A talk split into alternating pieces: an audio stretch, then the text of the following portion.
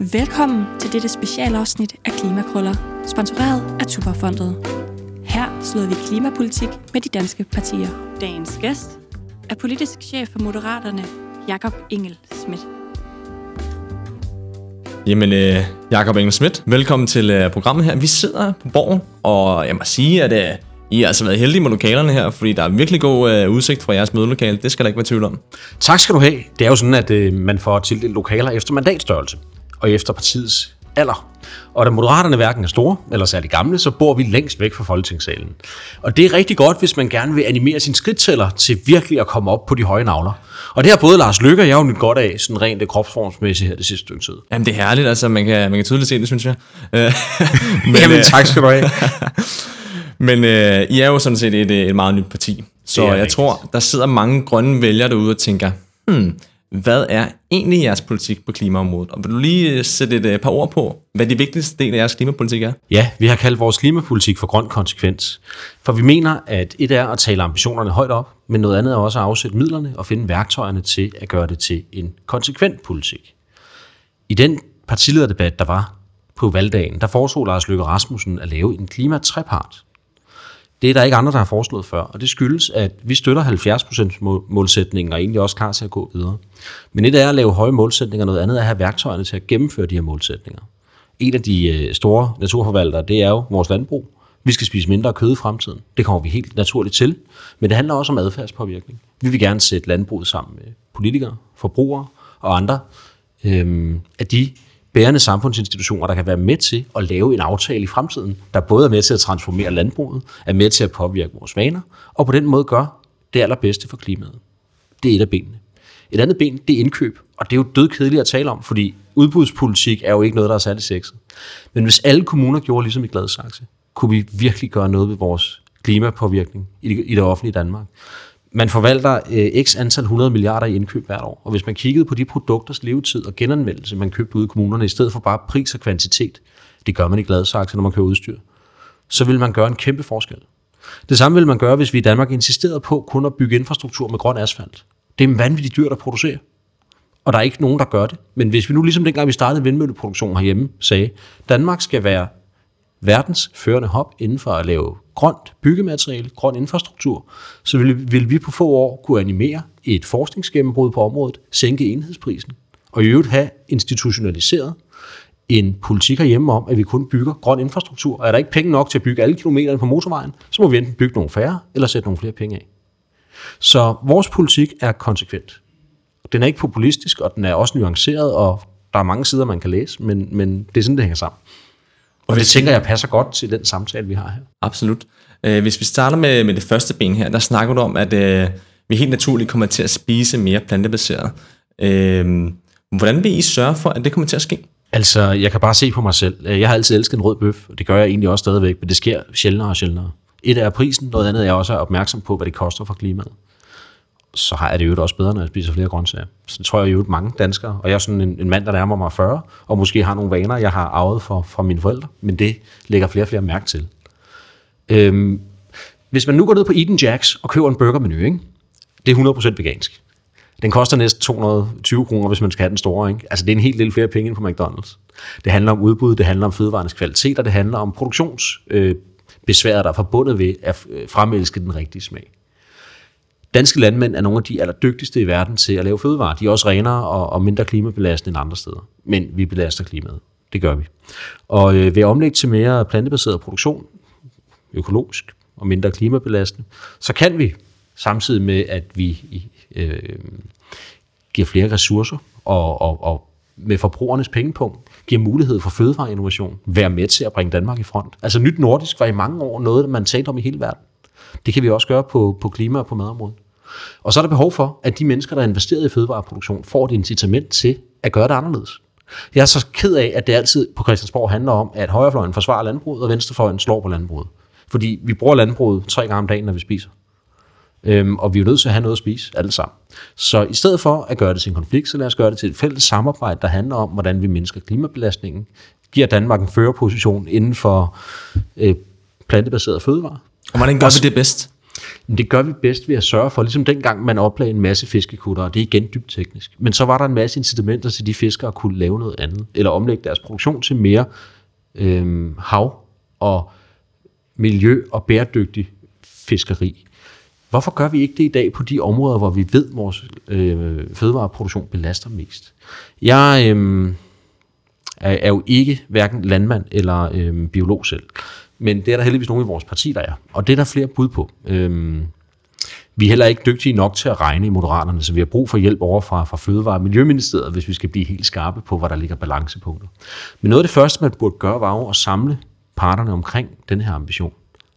Og man har jo tidligere lavet sådan nogle, det vil jeg gerne rose regeringen for, man har jo lavet sådan nogle, nogle partnerskaber med forskellige industrier. Men de partnerskaber har jo mere været sådan, først er der en gulerod, og så har vi virkelig en stor pisk i den anden arm. Jeg kunne godt tænke mig, at alle dem, der er involveret i dansk fødevareproduktion, kunne se en rigtig god forretning i det her projekt. Og tendensen er der, hvis man ser på forbrugerne. Så øhm, rejser vi til vores største eksportmarked ned i Tyskland. Der går det faktisk endnu stærkere lige nu end i Danmark. Det tror jeg, mange er overrasket over. Og det er måske mere end nød end lyst, men der er mange tyskere, der begynder at spise mere plantebaseret, fordi de høje energipriser faktisk tvinger dem til at vælge nye fødevare øh, kombinationer og muligheder.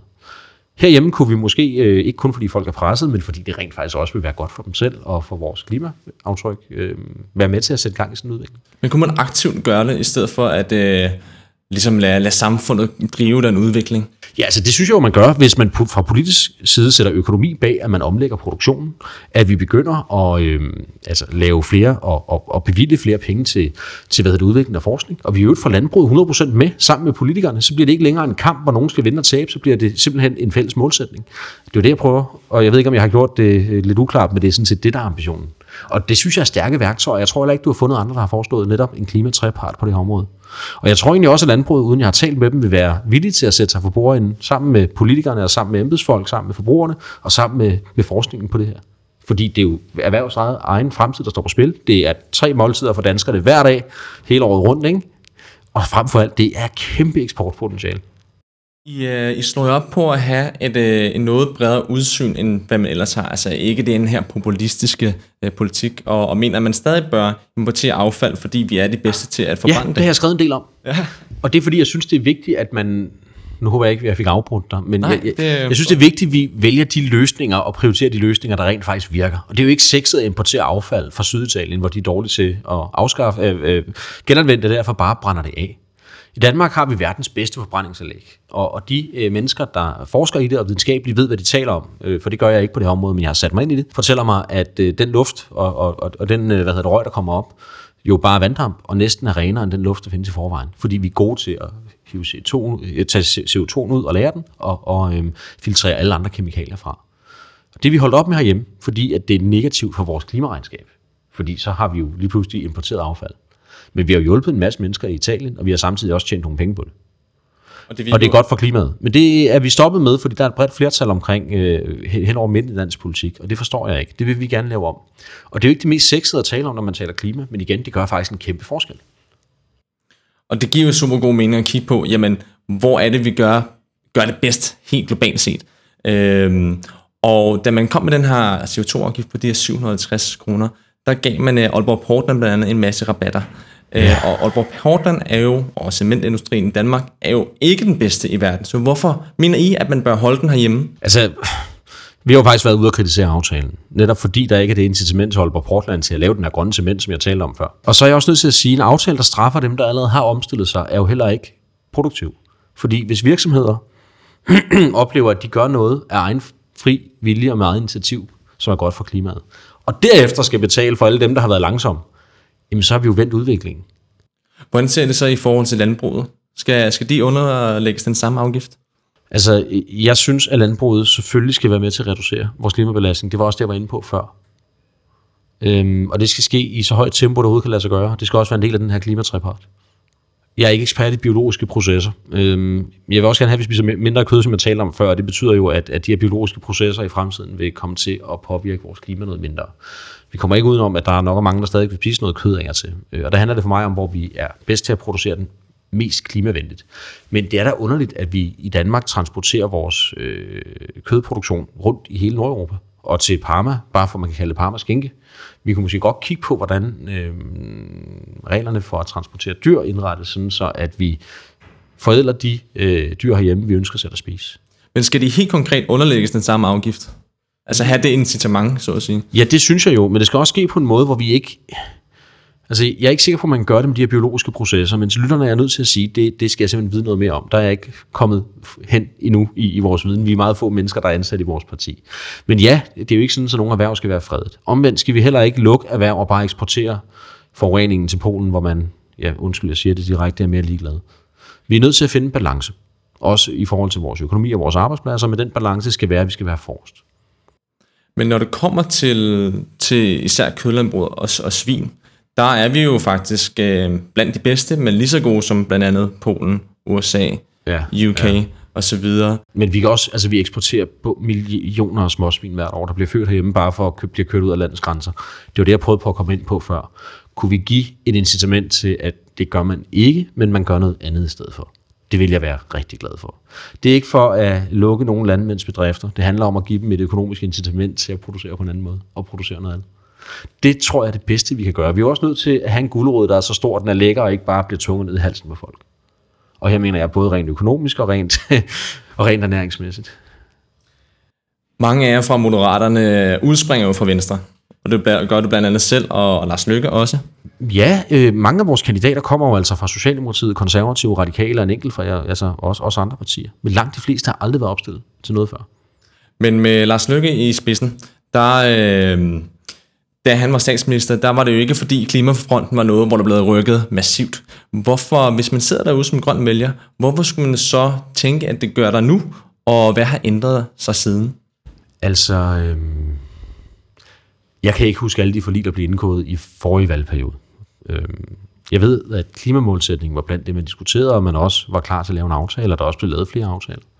Og man kan se på vores vandmiljø gennem de sidste øh, 30 år, er jo blevet markant forbedret og vores klimabelastning er svagt stigende, men har i mange år energiforbrugmæssigt været, været nogenlunde stabilt. Ret mig, hvis jeg tager fejl. Øhm, altså det Lars Løkke sagde i den første valgdebat, synes jeg er et klart bevis på, at man jo hele tiden lærer, også i politik, og ens prioriteter ændrer sig.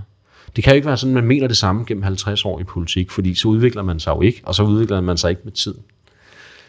Jeg nærmer mig selv de 40 år og har fået et andet perspektiv på nogle af de ting, jeg synes er vigtige. Jeg talte utrolig meget om penge før i tiden og personlig frihed. Jeg går stadigvæk op i, at det skal kunne betale sig at gå på arbejde, og man skal have noget ud af at investere i aktier, både når man vinder, men hvis man taber dem, skal man måske kunne trække øh, tabet fra. Men jeg går lige så meget op i, at det, jeg giver videre til, til dem, der overlever mig, at det skal være et rigtig dejligt sted at være. Jeg tror, min partiformand har det på fuldstændig samme måde. Det lyder I hvert fald kan I konstatere, at det er noget, vores kandidater skriver og taler og mener utrolig meget om.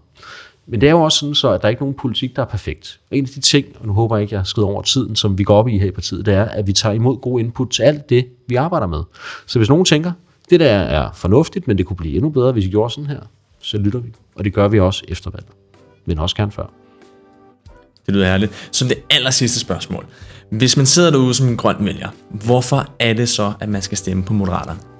Fordi vores politik virker. Den er ikke nødvendigvis den mest højdråbende eller sexede, men de værktøjer og de elementer, vi har inkluderet i vores politik, er dem, der giver mest klima for de politiske mandater. Og det synes jeg godt, vi kan tillade os at være stolte af. Jamen, uh, tusind tak for, for snakken her. Det var en fornøjelse. Tak fordi jeg måtte være med.